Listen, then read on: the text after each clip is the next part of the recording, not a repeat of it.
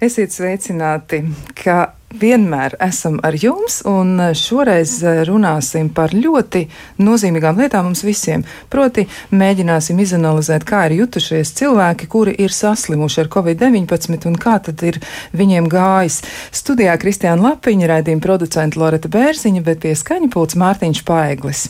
Atgriežoties pie temata, eh, gribētos teikt tā, ka patiesi slimošanas pieredze ir ļoti, ļoti dažāda, un arī visticamāk sekas, kuras būs katram no saslimušajiem, arī ļoti atšķirsies.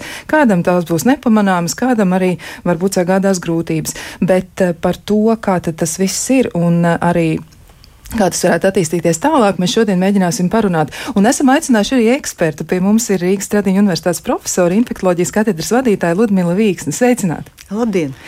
Gribētos uh, sākt arī ar to, ka Nu jā, varētu būt liels atšķirības tiem cilvēkiem, kuri slimo. Noteikti ir, ir um, katram sava slimības gaita. Varbūt jūs varat uzreiz arī pateikt, kāpēc tas tā ir. Tā ir vienkārši un īsi. E, nu, tas ir atkarīgs no vairākiem faktoriem, un e, viens faktors, jeb faktoru kopa, ir atkarīga no paša cilvēka. Otra puse ir pats vīrus, cik viņš ir stiprs, cik viņš ir savādāks, kā mēs tagad zinām, mainīgs, un mēs gaidām atkal nākamo mutantu.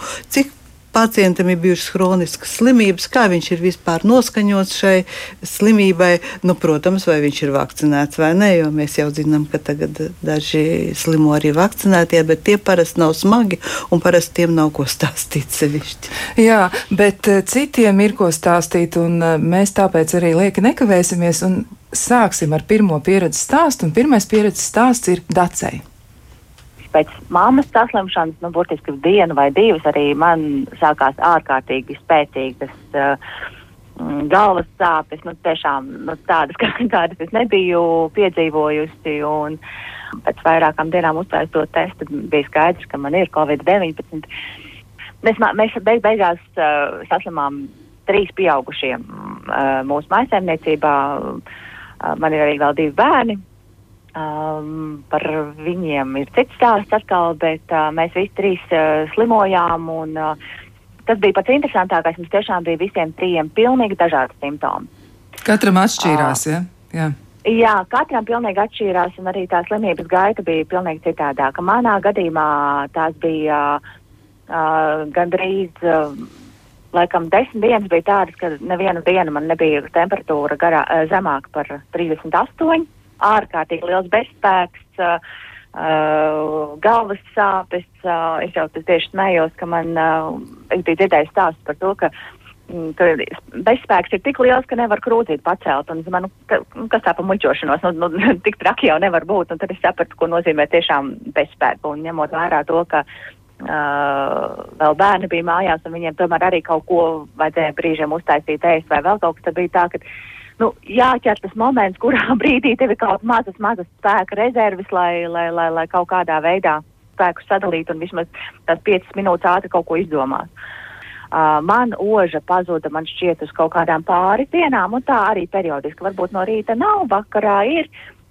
Man uh, savukārt tētim pazuda uz vairākiem mēnešiem oža, uh, un, un, un vēl arī pēc slimības uh, vēl, vēl, vēl labu laiku tāds viņam nebija. Uh, tāpat arī, mm, nu jā, viņam bija savukārt viss akcents nevis uz uh, temperatūru un, un arī bezspēks, protams, bet viņam atkal bija ļoti stipras muguras stāpes, uh, kaulu stāpes, nu, kā no, no gurniem uz leju. Un, un viņš kaut kādas piecas dienas vispār bez pretsāpju zālēm nevarēja, nevarēja uh, iztikt un, un ne pagulēt, ne pasēdēt. Es pati ļoti, ļoti baidījos no tā, nu, saklausoties arī dažādas stāstus, nu, ka man varētu trūkt elpa vai, vai, vai vēl kaut kā. Uh, un tad es sapratu, ka bija kaut kāds posms, kad uh, nē, elpa man netrūka, bet man bija nu, tā muļķīgi izklausīsies, bet slinkums elpot.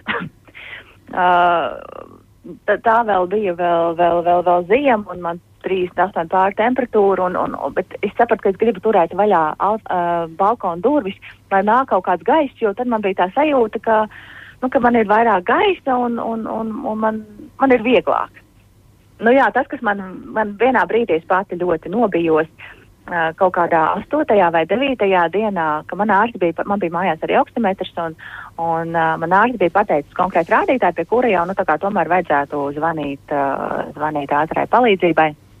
Un, uh, un, un, un es sapratu tajā vienā naktī, uh, ka, nu, dari, ko gribi, bet, nu, man tas rādītājs ir zem, zem tā, zem tā vajadzīgā, un, un, Un, un tad es tiešām nobijos, bet, uh, bet tajā brīdī man jau bija izrakstīts antibiotikas, un bija pirmā diena, kad es, uh, kad es jau biju jau lietojis viņus, un tomēr nē, nu, varbūt, ka es šo nakti vēl izturēšu, un antibiotikam arī tomēr vajag kaut kādu vēl brīdi, lai, lai, lai tās iedarbotos, un, un, un, un, un, un, un tomēr, nē, nu, ja būs pavisam slikti, tad es zvanīšu, bet, uh, bet, bet, bet par laimi, nu, kaut kā tajā brīdī, jā, nākamā dienā jau mazliet, mazliet bija labāk, un tad es beig beigās arī tiku bez slimnīcas tauri.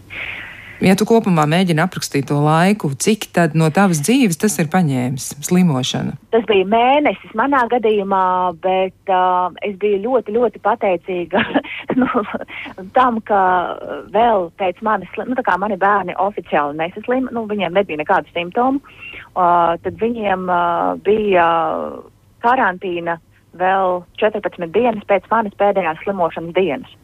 Un, uh, līdz ar to tad, uh, es ar viņiem vēl pavadīju laikā, uh, laiku kopā šīs 14 dienas, tad, kad es jau teorētiski skaitījos vesela.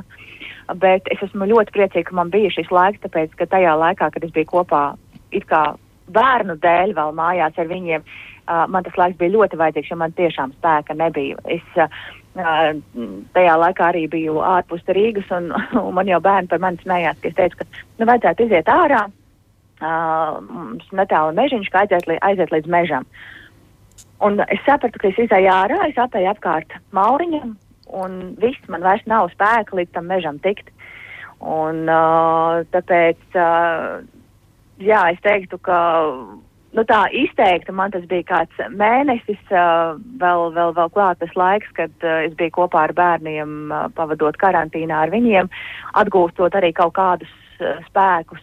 Man pēc tam vēl arī sekoja izmeklējumi, ņemot vērā to, ka man slimība bija atstājusi ietekmi uz aknām. Man šķiet, ka šobrīd man tas nogurums ir mazinājies, un, un, un es nevarētu teikt, ka tāds izteikts nogurums man šobrīd ir, bet, bet man tāpatās ir jāturpina sekot līdzi veselībai, jo, jo tas pirmais moments bija, jā, ka man bija atstāta arī vēl ietekme uz aknām. Un, un, un man sūtīja arī uz sonogrāfijām, un, un, un par lēmu tagad pēc uh, ilgāka laika iztaisot vismaz asins analīzi, šobrīd tā ietekme, respektīvi, analīzes normas līmenī. Uh, vēl man būs arī jātaisa vēl sonogrāfija, vai tiešām tas tā ir. Bet, uh, nu jā, nu tā, tā, tā akūti es teiktu, tas bija mēnesis pusotrs. Nu, protams, visi izmeklējumi vēl pēc tam. Teiksim, skatoties mūsu trīs, man bija vissmagākā smagākā slimības gaita, un, un tas apgāza arī kaut kādu, jā, manu priekšstatu un, un, un pieņēmumu, ka, nu, ja nu gadījumā kas, nu, tad jau man būs vieglāk, jo, jo labi, es netiku līdz slimnīcai, bet uh, es nedomāju arī, ka man bija tas vieglākais, uh, vieglākais gadījums, un, un, un, un uh, Nu, jā, tas, tas nebija viegli, un es tiešām biju satraukusies vairāk par saviem vecākiem, kuriem arī, jā, bija smagi, bet es domāju, ka man tomēr šajā gadījumā tas bija smagāk.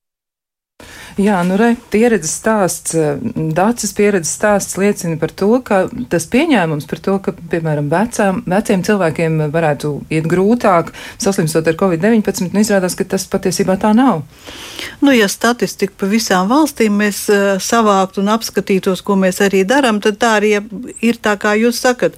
Bet uh, slimība vienmēr katram norit ļoti individuāli, un uh, mūsu klausītāji stāstītāji patiesībā ļoti jauki un pareizi pareizi e, izstāstīja klīnisko ainu un savas galvenais savas izjūtas. Es varu teikt, ka e, Dāce ir laimējies ar to, ka viņi izdzīvoja, tāpēc, ka tie kritiskie skābekļa piesātinājuma rādītāji var būt izšķiroši vienā mirklī un varēja pilnīgi noteikti netikt netikt ar to galā un nu, tam sekotu nāvi. Jo faktiski šai infekcijai no vienas puses sekot ir diezgan viegli, no otras puses ļoti sarežģīti. Viegli tāpēc, ka ir daži rādītāji, kurus paskatoties, piemēram, šis, par ko runājas, kābekļa piesātinājums, patiesībā cilvēks jau nosmoka. Un viss tas, ko mums stāstīja mm, pacienti, ir stāsts par to, ka organismam trūks skābekļa un kā kurš orgāns tajā sistēmā iesaistās, kurš ir jutīgāks, kurš ir mazāk jutīgs. Un, piemēram, rezultātā izrādījās, ka Aknu funkcijas ir bojāts. To mēs slimības pašā sākumā, tad, kad sastapāmies ar covid, nemaz nedomājām, jo tas nav raksturīgi akūtām respiratorām slimībām, kāda ir covid. Bet tagad mēs jau zinām, mums ir post-covid novērojumi arī um, valsts pētījuma programmā. Tas bija viens no tiem pārsteigumiem, vai kā mēs kādreiz saku, tas kvests, kurā mēs atkal nonācām nākamā punktā, brīnoties par visu. Otra lieta ir tāds saucamās citokīnu vētras kur uz vīrusa iekļūšana organismā, organisms eh, pārlieku strauji un pārlieku aktīvi reaģē, un tas bez šaubām nav labi, un tas arī rada daudz un dažādas problēmas un patoloģijas. Es saklausīju stāstā arī to, ka Nervu sistēma ir bijusi iesaistīta diezgan nopietni. E, es domāju, galvas sāpes, un vēl, vēl tur bija daži pieminējumi. E, vēlreiz es gribētu uzsvērt, ka šai pacientei tik tiešām ir ļoti jāsako aknu funkcijām, un e, mums ir arī pieteikts nākamais pētījums, piemēram, man ar kolēģiem konkrēti, kur mēs tieši aknu funkci, funkcijas pētīsim, tāpēc, ka pacientu šādi ir daudz, un aknas, kā mēs zinām, ir ārkārtīgi svarīgs orgāns, un mēs gribam tomēr saprast, eh, kā mēs varam šiem cilvēkiem palīdzēt. Spriežot pēc balss, Dārts ir jauna sieviete, un, piemēram, um, hroniska aknu slimība tā būtu nu, milzīga nepatikšana nākošajai dzīvē. T, nu, tā kā stāsts bija brīnišķīgs, un es priecājos, ka beidzās tā kā labi. Jā, pie tam arī viņi atzīmē, ka tas laiks ir diezgan apjomīgs bijis. Nu, tas tad sanāk nu, kopējais slimošanas laiks pusotras mēnesis, bet mēs jau varam teikt, ka tās sekas, kuras ir jānovēro, tas jau ir vēl daudz ilgāk. Ir pacienti, kas slimo bez pārtraukuma, piemēram, tas akūtais periods. Nu, šo mēs pusotru mēnešu, tad būtu tāds starp akūtu un chronizāciju, un simptomi ir nepārtraukti. Viņi turpinās, turpinās. Mums jau tagad ir pacienti, kuri gadu piemēram, ir ar simptomiem diezgan līdzīgiem kā sākumā.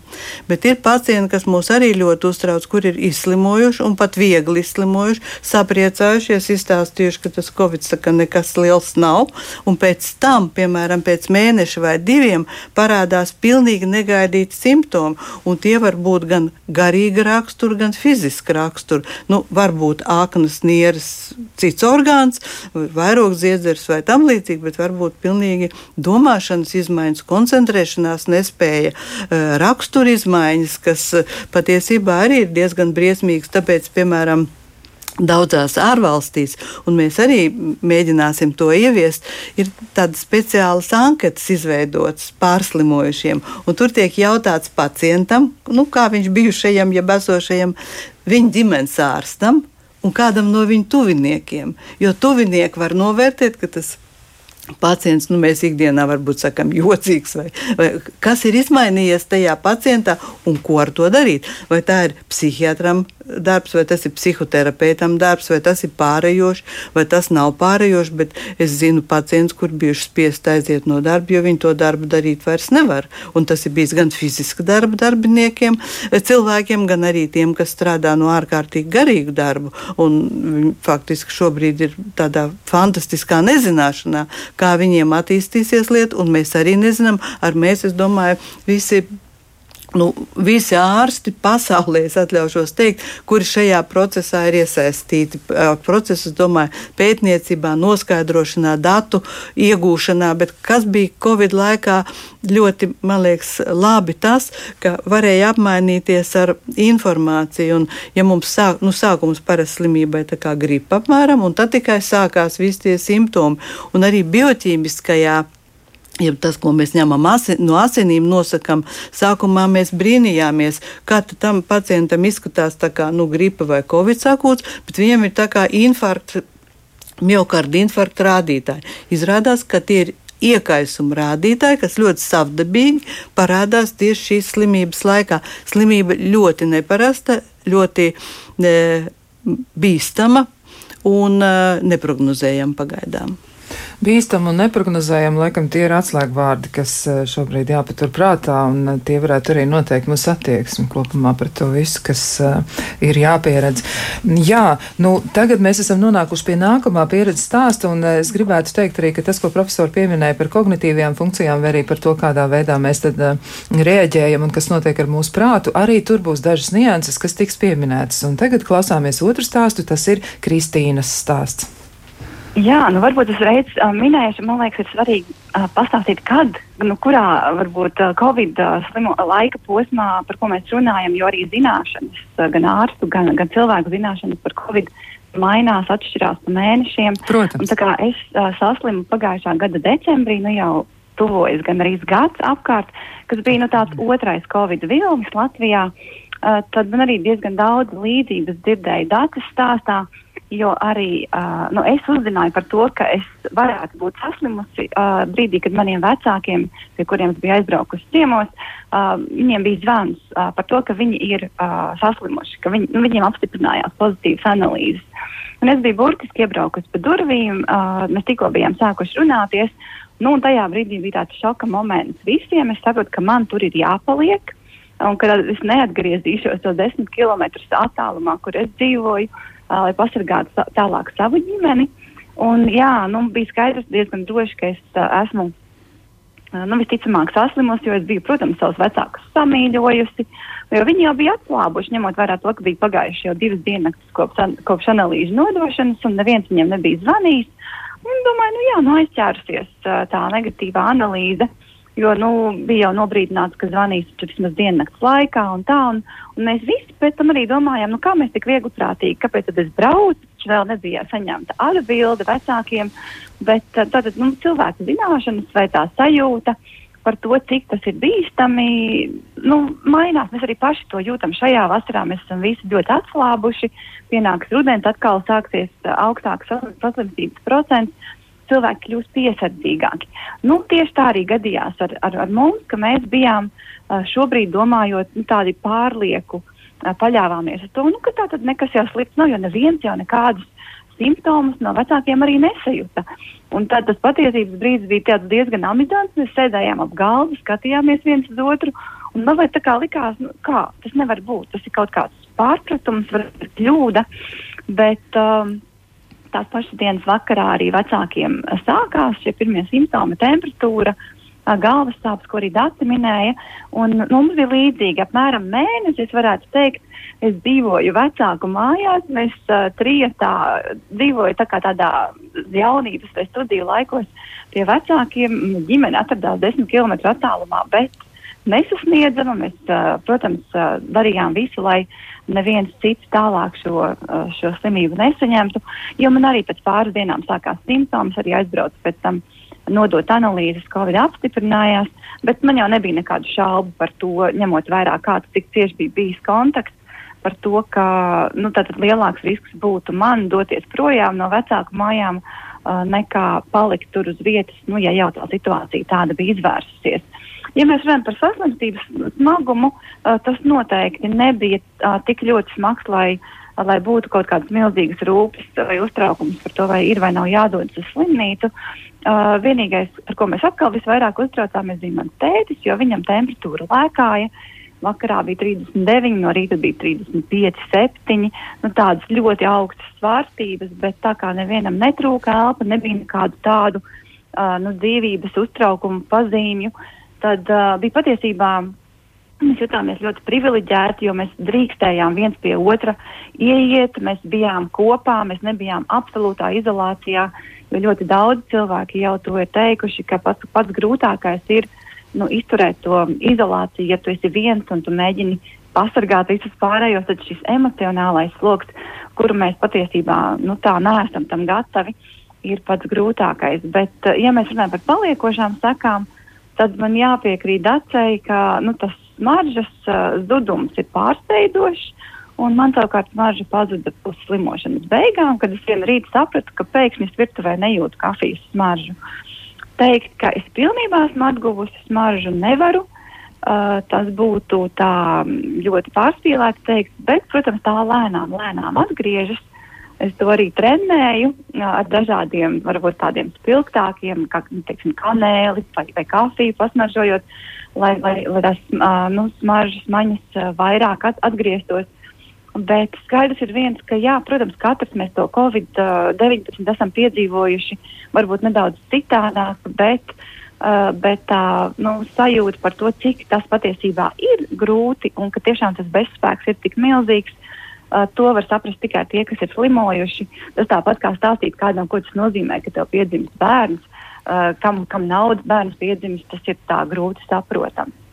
Nu, Jā. nu, tāds ir tas īsais stāsts. Man liekas, par tādu vidējo temperatūru slimnīcā patiešām ir grūti runāt, jo katra cilvēka piedzīvojums ir personisks un, un ļoti, ļoti tāds. Nu, jā, Tas laikam arī ir tas svarīgākais. Tā ir būtiska atziņa, jā, jo visi stāsti, ko mēs dzirdām, tiešām atšķiras. Mēs uh, saprotam, ka katra cilvēka pieredze ir, ir absolūti unikāla. Tieši tā iemesla dēļ, ka katra cilvēka organisms ir sava sistēma, tas ir savs universs, kas rēģē pilnīgi, pilnīgi citādi.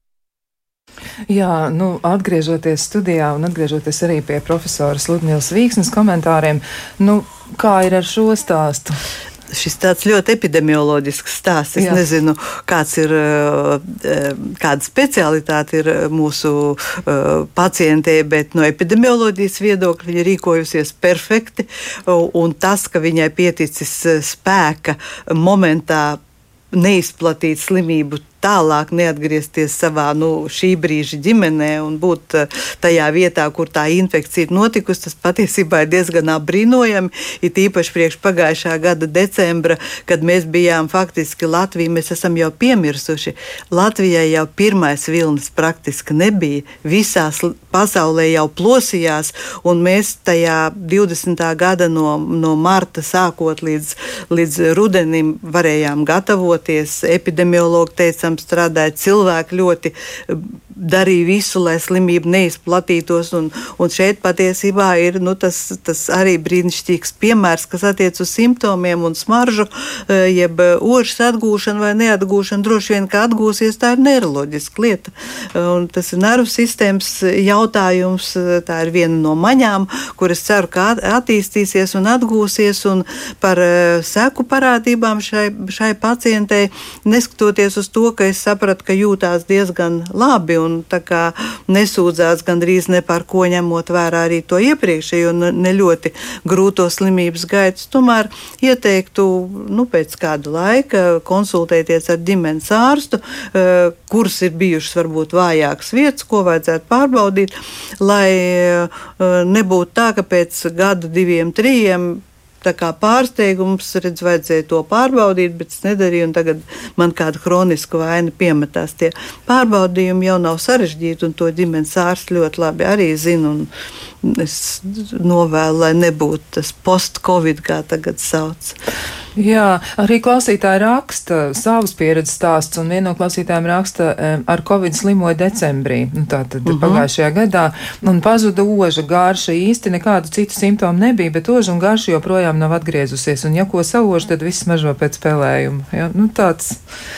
Ļoti, ļoti apgrūtinoši. Ļoti apgrūtinoši. Ļoti apgrūtinoši. Jā, nu, vēl arī ir. Um, Pieredze stāsta tādi, ka viens no klausītājiem ir piedzīvojis to, ka tikai temperatūra 37,5, 38,3 precīzi, 14 dienas oža gārša zuda daļēji un 51 gads pašam. Ja? Un savukārt mammai, kur ir 80 gadīga dāma, viņa nesaslima, ja? bet uh, bija pirmā poti uz to brīdi, ja? AstraZeneca, un tad, uh, jā, un tas notika tajā, nu, tad ir konkrēti norādīts arī laika posms, aprīlis, maijs.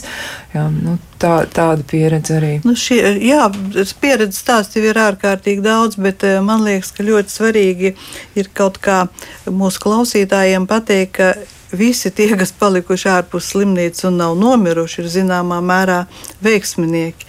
Jo tie, kas atrodas slimnīcā, tiem nav garantēta izdzīvošana.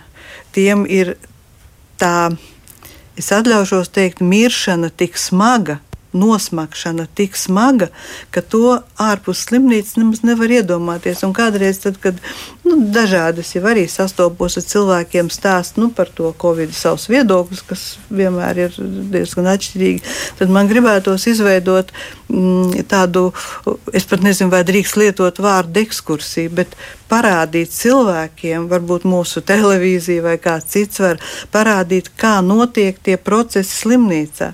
Kāpēc ir izdeguši ārsti? Ārsti tagad slimo ar māsu, bet ne jau ar covid, bet slimo ar ne, dažne dažādām slimībām, jo vēl vienu ekskursiju varētu taisīt. Es pirms raidījuma minēju, tur, kur gribētājus iedērbi tajos speciālajos tērpos, īstajos respiratoros, tā kā vajag, un ļauj viņiem dienu tur uzturēties gandrīz neko nedarot. Un es domāju, ka to cilvēku viedoklis uzreiz būs cits par to, cik smags darbs ir e, ārstiem un medicīnas māsām.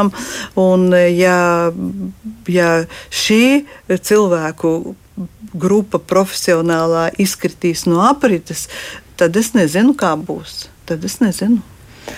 Tad būs ļoti, ļoti grūti. Jau tagad ir grūti, un tad Jā. laikam būs dažas lietas, tad kļūs neiespējams. Jā, Jā nu vēl arī jautājums par uh, simptomiem, par sāpēm mugurā. Un uh, viena no klausītājiem jautā, vai tiešām simptoms var būt sāpes gūžas daļā, kas izplatās uz kāju un muguru, jo tādas ir vairākas nedēļas. Un, uh, nu, tad, kad ir pretsāpju um, injekcija bijusi, tad kādu laiku ir, ir, ir vieglāk, un, un, un pēc tam pēc tam atkal tā kā liekas, ka nav labi. Nu, kopumā paliek labāk, bet vai tā var būt? Jā, jo arī jā arī vienā stāstā bijuši. Jā, jā tā, tā var būt bez šaubām, jo, jo nervu sistēma ir iesaistīta ļoti, ļoti nopietni. Tas, kā šeit ir aprakstīts, tas ir uh, vienā pusē vairāk izteikts, bet tur jāparunājās ar ģimenes ārstu vai neiroloģu. Tā, tā, protams, var būt. Jā.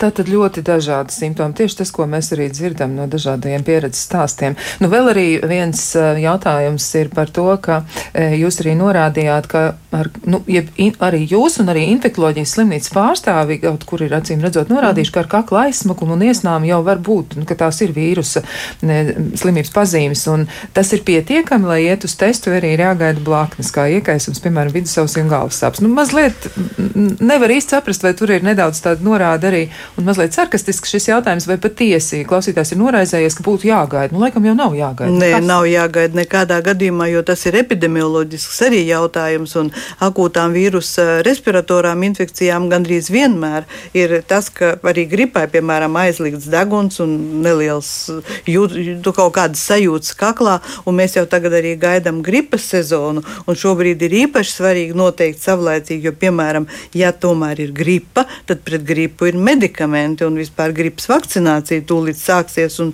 to vajadzētu ļoti izmantot. Bet, ja tā nav gripa, tad mums ir cits uzmanības eh, tāds algoritms no ārstu viedokļa, arī no ģimenes ārstu, kā tad šim pacientam sekot. Noteikti izmeklēties, noteikti. Jā. Tā tad noteikti dodamies pie, pie ārsta un veicam testu, un tad uh, darām visu, kas jādara arī tālāk. Bet sarunu par pieredzes stāstiem un par to, kā rīkoties, kā pārdzīvot un kā tikt ar to galā, ar visu to, kas notiek pašlaik, par to mēs runāsim pēc īsa brīža. Kā labāk dzīvot? Turpinām sarunu par Covid-19 pieredzes stāstiem, par to, kā ir bijis piedzīvot Covid-19 slimību un uh, kā tad ir gājis kādam no mums. Un mums šodien ir trīs pieredzes stāsti, divas jau mēs dzirdējām, un tagad uh, ir laiks trešajam pieredzes stāstam. Un šī stāsta varoni klausītāji noteikti atpazīs, vismaz tie, kas regulāri klausās šo raidījumu, uzreiz zinās, kurš tas ir. Aiziet! Labrīt! Labrīt! Jūs esat pie mums atkal studijā, profesor Danilāna. Ir tāds liels prieks jūs satikt. Paldies! Kā, kā jums klājas? Labi klājas. Varbūt pastāstiet, kā jums klājās pirms kāda laika, jo klausītāji ir ļoti, ļoti noilgojušies savā ziņā vai arī ļoti interesējas par pieredzes stāstiem. Jā, es piekrītu, un pieredzi stāsti ir tie derīgākie. Ne to, ko es kaut kur redzēju vai dzirdēju, bet ko pats pārdzīvoju. Jā, jūs klausāties cilvēku, kurš ir izslimojis smagu covid. Es viens no pirmajiem Latvijā. Pats tur drusceņi vainīgs, atteikšu, kāpēc es tagad gribu pasargāt arī pārējos no šīs kļūdas, ko toreiz pieļāvu. Tagad izanalizējot, varu pasakīt. Pārāk vēlu aicināju savu kolēģu palīdzību. Toreiz vēl covid nebija tur īsti, īsti tā un to. Un, un jūtu, ka laikam kaut kas nav, temperatūra nespēks, ja, un es vēl tur stiepu gumiju, saku, pāries, vai ne pats tikšu galā ar, ar ķiplokiem. Nu, tīri ar ķiplokiem negāju, bet apmēram domāju ar savu imunosistēmu. Tā gribu pasakīt tiem, kas stipri e, brašīgi runā par sevi, braši par savu veselību. Es tāds, ka es esmu vesels, man tur neviens vīrus šķidi. Jā, es arī biju vesels. Man gadiem ilgi nebija nekādas gripas vai augstēšanās slimības infekcijas. Nebija bijušas. Es jūtos ļoti labi un dzīvoju ļoti labi. Tā kā es arī varēju pieskaitīt pie sevi pie dzelžēniem večiem, vai ne uz to. Jā. Bet, nu, ko darīsi? Kur dabūju, nezinu, bet nu, dabūju to vīrusu un, un, un pats stiepdams gumijas iedzīvoju smagā, smagā, smagā formā. Tā tad, ja gadījumā kādam kaut vai mazākās aizdomiņas par covid un tā mīļie, mīļie, lūdziet jūsu ārstiņa palīdzību. Mm, aiznesa uz mašīnu, nu, aizveda mani un tad slimnīca, nu, briesmīgs nespēks. Visu laiku jāguļ, es biju reanimācija, biju divus mēnešus. Nevienu klāt, ne draugus, ne sieviņu, ne bērnus. Es bērnus ar sunīti redzēju tikai jau, ka biju drusku brašāks, varēju pastāvēt pie loga, paskatīties. Bet eh, māsiņas ir saģērbušās skafandros, nepazīstu savas māsiņas. Stradiņa slimnīcā gulēju, uz to lietu aiziet briesmīgi. Kauns teikt, bet es teikšu atklāti. Nu, grūti aiziet uz toleti. Milzīgs nespēks. Man pat drusku tā kā smaidiņš nāk. Es, kuram fiziskā aktivitāte patīk, kurš grib to kustēt, pēkšņi uz tā vīrusa laika man negribās nekustēties ne par varītēm. Padoms, pirmais padoms, ejiet meklēt palīdzību, labāk lieku reizi jau var. Bet otrs padoms ir, eh, man bija smagi. Es ticu, ka kolēģi eh, saprata, ka ar mani ir diezgan nedroša situācija. Un to es zinu no tā, ka man sieviņa saka, es runāju ar kolēģiem, kā tur tev iet. Viņa saka, vai kundze, nu, sievu uzrunājot, jā, ka neko nevaram apgarantēt, neko nevaram zināt. Nu, pilnīgi pareizi runāja kolēģi, neko nevarēja. Redziet, es biju tajā sarkanajā līnijā tuvu. Nāves bailes es nejūtu, goda vārds nejūtu, bet nāves bailes izjūta mani tuvinieki. Es tā varu iejusties, kā tur nav tikai es. Mēs esam bara cilvēki, mums ir draugi, paziņas, un domāt, ka es nesu, es, es, nu labi, nu tu paesi, bet tu padomā par tiem tuviem cilvēkiem, kas tev apkārt ir, par saviem bērniem, vecākiem un tā tālāk. Kā, kā ar viņiem būs, vēl tu vari viņus ātrāk, ar tu tikai tu vari viņus tur padarīt slimus? Nu, tā jau ir tā domāšana tikai par sevi, man liekas. Nekādā gadījumā, jā, ja mani kāds jā. klausās vēl trešajā, nedomā tikai par sevi. Varbūt arī tiešām esi neparasti spēcīgs spēcīgs. Bet to jau nevar pasakīt. Olimpieši, pasaules klases sportisti vai ne nu, veselīgi cilvēki slimoja. Arī tomēr slimoja, nu, slimoja. Nu, kā tu vari zināt? Tā jau nevar zināt pēc savas pašsajūtas, vai kas tur ir varani viss vīrus sargājiņā. Tur kāda sagadīšanās, to mēs līdz galam medicīna nezinām. Tā. E, bija pat bišķi nojucis bija. Pat tā. Pat tā bija, jā, jo es sāku zvanīt. Nesaprotu, man tas jau atgādināja, es jau biju piemirsis, ne, ka sāku zvanīt meitai kaut ko bez vajadzības. Viņa jau ik desmit minūtes zvana, vai ne? Nu, kaut kāda, bet, nu, paldies Dievam, es domāju, ka man nekas vairs sajūtas paurī nav. Es jums stāstu tīru mīļie patiesību, vai ne, un, un variet man ticēt, ka tā nav muldēšana. Mājā man ienesa. Arī mājās. Ienesa. Mājās ienesa. Jā. Paldies Dievam, es neatceros to e, šoferītu sanitāriņu. Man iestiepa iekšā, man gan puses stāvs tikai ir, bet man nebija spēka iet. Nu, pamazām tas spēks atgriezies, bet vēl, vēl pateikšu pēdējo. Vēl jau, nu jau astoņi mēneši vairāk jau viss iet pāri, kā saka, uz to jūtos pēc manām domām ar vien labāk. Tiešām, tas jau paldies liktenim, paldies veselībai. Un es domāju, paldies arī man. Vēl viens padoms. Es sāku aktīvi kustēties, eju tagad arī uz radio, tos savus kilometrus. Jā, grūtāk ir gan kā bija. Bet nu, tāda man lēmējās, tas man personīgi lēmējās, citiem var nelēmēties. N nav ar tā, ka man iestājusies sirds mazspēja spēcīga. Varbūt ne tāda slodzīti drusku vēl nevaru to. Bet jūtat, jā? Drusceņi, jā, ka jūtu, ka man vairs nevaru tik droši to pašu ātro brašo gaitu iet un tā tālāk. Visvairāk es jūtu sāpes locītavās, vēl joprojām. Bet no iekustinu, iestrādinu, tad sāk, sāk pāriet un tā tālāk. Jā, bija uh, nierēs man pārmaiņas. Bija, nav tikai tas vīrus, ka tikai plaušas, muļķības. Bija arī nierēs vai ne, izmaiņas stipras un man tur sprieda, ka ar nierēm arī galīgi. Bet, nu, laimīgā kārtā sākušas nieras darboties. Secinājums - lūdzu, lūdzu, mīļie, tas nav reklāma. Man nekādu naudu par to nemaksās, vai es nesadabūšu. Es jums stāstu kā godīgs cilvēks, ārsts pie tam godīgs, kas izgājis uz to fronti cauri. Abus izgājis gan vīrusu, gan potes izgājis. Jā, potes arī saņēma pēc tam, kā saka, uz to. Es nevaru salīdzināt, vai pote vai vīrus. Noteikti dariet visu, lai nesaslimtu. Gan drīz šoreiz gribētos pavēlēt, nu kaut gan pavēlēt, skan vārdi stulbi un muļķīgi. Man nepatīk vispār pavēlēt, bet noteikti visu darīt, lai nesaslimtu, lai ne, neiekļūtu tādā rēņķa rokās. Tas ļoti labi, ka daudziem iet viegli un tā tālāk. Jā, lai būtu, bet nevajag saslimt, nevajag smagi slimt. To, Jā. ko es stāstīju, visi gribētu, lai pievērstu tam uzmanību. Jā, nu rekā profesors Danilāns arī ir gājis tam visam cauri un nav viņam arī bijis viegli. Nu jā, tie kolēģi, kuriem bija iespēja zināt, ka profesors slimo un savstarpēji konsultēties vadošajiem infektologiem, mēs ļoti pārdzīvojām, profesors tieši tā kā teica, bija mazliet sevi varbūt pārvērtējis, sākumā slimoja. Nu, nu, ļoti, ļoti smagi. Paldies Dievam, ka tas beidzās tā kā šobrīd. Mēs patiesi uz profesoru Danilānu, nu, vismaz ārstu vidi, gandrīz vienmēr orientējās uz tām viņa fiziskām aktivitātēm un tādu mūžumu un tādu ied, iedvesmošanu uz dažādām lietām. Es priecājos, ka profesora balsī es tomēr saklausīju, ka viņš ir optimistisks. Tik tiešām. Jā. jā, par to milzīgs prieks. Un arī klausītāji raksta ko līdzīgu, jo viena no klausītājiem raksta tā, ka izslimoja Covid salīdzinoši viegli, bet nu jau trīs mēnešus mokos ar neiroloģiskiem traucējumiem, trauksmi un hronisku bezmiegu. Iepriekš tā nav bijis, un esmu dzirdējusi arī, ka vakcīna var uzlabot šo stāvokli. Viņa jautā, vai tā ir taisnība. Nu, tā tad neiroloģiskie traucējumi ir.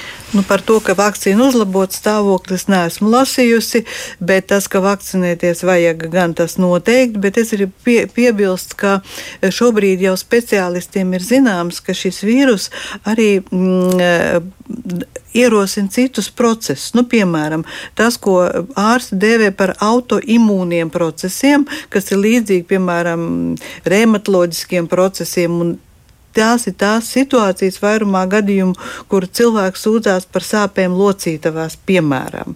Un tur mēs jau zinām, ka ir faktiski jāiet pie reumatologa, konsultēties, lai diferencētu dažādas slimības savā starpā.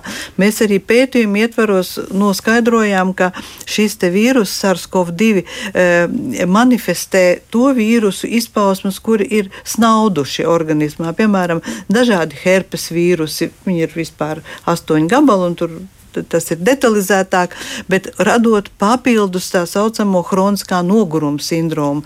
Tā kā par covidu mēs vēl un tā kaitīgo ietekmi un to, kā viņš provocē organismu, es domāju, mēs vēl ļoti daudz ko zināsim ar laiku. Jā, tas ir kas pilnīgi jauns, un, un ne medicīnas sabiedrība, ne sabiedrība vispār nu, nav gatava tādam izaicinājumam, lai uzreiz pateiktu, mēs visu saprotam, mēs visu varam paredzēt. Tas, laikam, ir tāds tiešām milzīgs izaicinājums. Jā, bet redziet, mēs dzīvojam divās dažādās pasaulēs. Piemēram, es tagad atgriezīšos darbā slimnīcā, man ir viens redzējums, e, bet uz ielas jau to kritušo nav. Neviens nespēkā tur ne, ne, negrābstās gar mājas malām un nerāda līdz ar to tie, kas iet uz diskusiju diskotēkām tie redz vienu ainu, vai tie, kas brauc kaut kur atpūsties, bet mēs slimnīcā redzam pilnīgi citu ainu, un tie, kas ir pārslimojuši, tie ir vispār speciālā pozīcijā. Mēs tā kā sadar, sabiedrība ir uh, savā pieredzē sadalījusies. Jā, nu ir eh, tas, tas gan tiesa, jā, cilvēkiem ir patiesi ļoti atšķirīgs priekšstats, un mums arī klausītāji raksta, nu, piemēram, kāpēc jūs gribat, lai visi nokļūst slimnīcās. Varbūt labāk varētu pastāstīt, kā uzlabot imunitāti, lai vieglāk izslimot un nenokļūtu slimnīcā, un viņi arī vienlaiks, nu, tā kā atvainojas, ja, jo klausās gan radio, mm. gan televīziju un dzird tikai par slimnīcām, bet tā ir, tur ir tie smagie nu, pacienti. Jā, un kas attiec eh, rakstītājai par imunitāti, tad eh, imunitāte nekā nevajag stiprināt, tāpēc ka šī slimība raksturojas ar to, ka pirmajā eh, kontaktā ar šo vīrusu imunitāte neadekvāti pat traku reaģē. Un, ja mēs vēl būsim uzstimulējuši, nezinu, vai izsmēluši imunitātes resursus, tas nepie kā laba nenovedīs ne, ne, nevienā variantā, ne otrā. Jā, nu vēl arī klausītāji saka paldies par šo diskusiju un uh, arī starp citu kompliments, ļoti jauks kompliments uh, no klausītājiem, vairāk tādu stāstu un doktors Īksnes mierīgā nosvērtā balss un profesionālajie komentāri ir tieši laikā. Un viņi arī pateica par šo raidījumu, tiešām tas ir vērtīgi, ko jūs sakāt. Un vēl arī klausītājiem ir uh, jautājumi, ka nu, viņi arī saka, ka gribētu raidījumu un iespējams atsevišķu raidījumu, varbūt arī mēs to varam nodrošināt par Covid izslimojušajiem bērniem, ja, jo mums pašiem ģimenē ir deviņi deviņus gadus vecs bērns, kurš ir izslimojis, un vēl trīs uh, mēnešus pēc tam ir rožas traucējumi, ja vēl šobrīd tātad, un arī nespēks, un ar bažām gaidām pēc Covid vizīti bērnu slimnīcā, un ļoti vēlams, lai vairāk tiktu runāts par to, cik bīstam šī slimība var būt arī bērniem. Jā, tas būtu ļoti derīgi, jo par laimi mums slimojošo bērniņu vēl ir maz, bet, protams, gatavoties situācijai izstāstot un, un padziļināt stāstot par pieredzi citās vietās un par to, kas ir mm, teorētiski iespējams, tas, tas būtu liederīgi. Piedāvām mūsu bērnu slimnīcā tur ļoti profesionāli ārsti. Viņiem, eh, cik es zinu, jau ir izmeklēšanas algoritmi paredzētie un tur plāni un viss, kas, kas tur notiek. Bet es gribēju piebilst pašā viena, viena no pacientiem mums stāstīja, ka viņi bija lietojusi antibiotikas un saistīja to tā kā ar stāvokļu uzlabošanos. Tam es īsti piekrist nevaru, ja pacients pacientei nav bijušas citas bakteriālas infekcijas, jo ar antibiotikām parasti saprot antibakteriālus līdzekļus, bet pretvīrusu līdzekļu pret šo slimību vēl nav. Bet uh, domā, ka varbūt nākamā gada sākumā varētu būt, es dažas dienas atpakaļ bija liela tāda Eiropas sanāksme, kur par to runāja, bet gripai savukārt ir medikamenti, un tāpēc diagnostika ir ļoti svarīga. Diagnostika ir ļoti svarīga. Jā, un e, vēl ir arī tā, ka daži e, klausītāji raksta, ka viņiem ir bijuši simptomi, bet tests ir negatīvs. Ja? Nu, tad e, savā ziņā tas ir.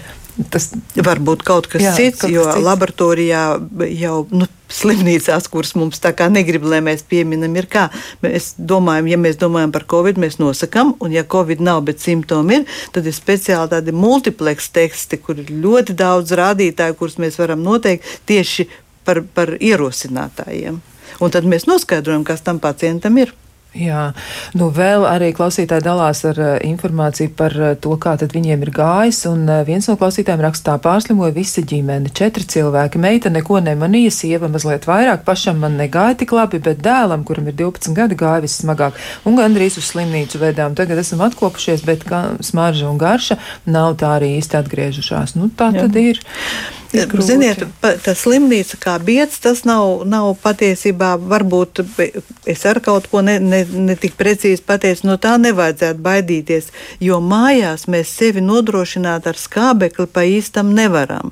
Un slimnīcā, ja cilvēkam vajag, un ja viņš nonāk savlaicīgi, tad mēs dodam papildus skābekli, un līdz ar to necieš neviens orgāns, jo visi orgāni cieš no skābekļa trūkuma, un līdz ar to varbūt tas pietikt ar pāris dienām, un nebūtu arī, ja būtu mazāk šo seku parādību, jo slimnīca šobrīd ir un mēs esam tehniski labi nodrošināti. Jo, ja salīdzinām gadu atpakaļ un kā mēs tagad esam, visas slimnīcas arī ārpus Rīgas, tad, tad tas ir vienreizēji, kas ir izdarīts un kā mēs varam palīdzēt pacientiem. Jā, nu, tā tad tas noteikti jāņem vērā, ja, jo nu, ir, ir jāsaņem palīdzība, profesionāla palīdzība, lai mm -hmm. atvieglotu stāvokli kopumā. Nu, vēl arī tāds ļoti skarbs stāsts. Viens komentārs ir no klausītājas. Viņa raksta, ka vīrs, sportists, jauns, spēcīgs, veselīgs vīrietis saslim ļoti smagi nonāca slimnīcā un pēc tam nevarēja pat lāga desmit metrus noiet. Un tas ļoti mainīja mūsu ģimenes skatījumu uz šo slimību. Iepriekš mēs pat negribējām vakcinēties, bet tagad tas vairs nav jautājums. Noteikti ir jāvakcinējas. Nu, es eh, ļoti ceru, ka šī šim eh, sportiskajam vīrietim mazināsies simptomi, bet, eh, ja tas nemazinās, tad ir jārunā ar ģimenes ārstu un jāskatās tomēr, kā, kas tieši ir šī nespēka iemesls, jo tas jau vairs nav skābekļa trūkums organismā. Tur ir kāds no orgāniem bojāts, un tur var būt pārsteigumi, tie var būt endokrīnie orgāni. Tas ir jāskatās ļoti profesionāli, lai atgrieztu šo cilvēku nu, tajā stāvoklī, kāds ir bijis. Jā, nu, e, vēl arī tāds komentārs no, no Latgales puses nāk, mm. jā, mēģināja antibiotikas Covid-19 laikā, nedod Dievs, bija vēl grūtāk, un paldies Dievam tiku galā, bet tas ir smagi, jā, un viņi novēl veselību. Jā, nu, tiešām arī, arī tā. Jā, beša, ļoti pareizi, ļoti profesionāli es teiktu. Jā, nu, e, vēl arī ir tā, ka par bērniem saka, ka nu, ir tiešām tādas ļoti, ļoti grūtas situācijas. Klausītāji tiešām ir aktīvi iesaistījušies, un ir labi arī, ka jūs dalāties ar saviem pieredzes stāstiem. Tas tiešām ir ļoti nozīmīgi. Nu, vēl arī tuvojoties raidījuma noslēgumam, gribētos eh, citēt vēl vienu komentāru, un varbūt jūs arī uzreiz varat atbildēt. Nu, par klausītājs pieredzi tātad 63 gadi ir paaugstināts asinsspiediens, arī liekais svars, un viņi domā par trešo poti, un ģimenes ārsts nevakcinēja. Tad varbūt. Nu, ģimenes ārstam vēl pagaidām nav tādas tiesības un iespējas, Jā. bet vispār mūsu valsts gatavojās šim te, vai tās būs īpašas pacientu grupas, varbūt kurā šī pacienta trāpīs, vai tie būs pirmie mediķi. Mēs vismaz ceram, ka tie būs mediķi, nu, un pēc tam arī gribētāji un, un pārējie. Es domāju, ka redziet, ir zinātne un pieredze. Zinātniski pierādījumi par trešās potes eh, ārkārtīgi efektivitāti vēl nav, jo laiks nav pagājis. Kā var zinātniski pierādīt, ja laiks nav ļāvis to pētīt? Bet pieredze rāda, ka visticamāk trešā vakcīna būs nepieciešama un ir nepieciešama.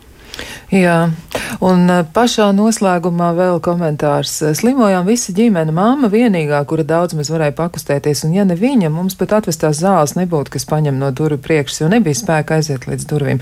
Nu, doktor Vīksni, jūs tiešām sniedzāt lielu atbalstu ar saviem komentāriem, un varbūt jums ir kāds novēlējums vai uzmundrinājums. Ļoti grūts laiks mums visiem ir, nu, bet tomēr. Nu, šim brīžam man būtu novēlējums neizturēties vieglprātīgi, bet pret epidemioloģiskiem nosacījumiem, kas no vienas puses visiem ir apnikuši un apgrūtinoši, bet ievērosim distanci. Ievērosim e, mazāk iešanu tur, kur var neiet. E, atturēsimies e, izmantot e, tos pakalpojumus, kur mums nav vitāli nepieciešami, jo šobrīd ir jauns vīrus, kas no Dienvidu Amerikas nāk, un dažās Eiropas valstīs jau ir tā saucamais lambda. Nav teikts un nav datu par to, ka slimība būtu smagāka, bet izplatās viņš ātrāk. Un līdz ar to starp mums ja mēs neievērosim to epidemioloģisko drošību, būs vairāk saslimušo. Nu, ja vairāk saslimušo, vairāk smago un tā tālāk. Un tā tālāk. Es novērētu neuzskatīt, ka Covid mūs ir pametis. Diemžēl nav Covid mūs pametis, eh, joprojām viņš te ir un jāatcerās tie divi vārdi, ko jūs teicāt. Viņš ir bīstams un neprognozējams šis process. Paldies, paldies profesorai Ludmilai Vīksnē par iespēju aprunāties un būt kopā un arī par eh, komentāriem, kas eh, šodien droši vien daudziem nu, lika par kaut ko aizdomāties. Savukārt klausītājiem mums laikam nebūs nekā cita, ko novēlēt. Veselību jums!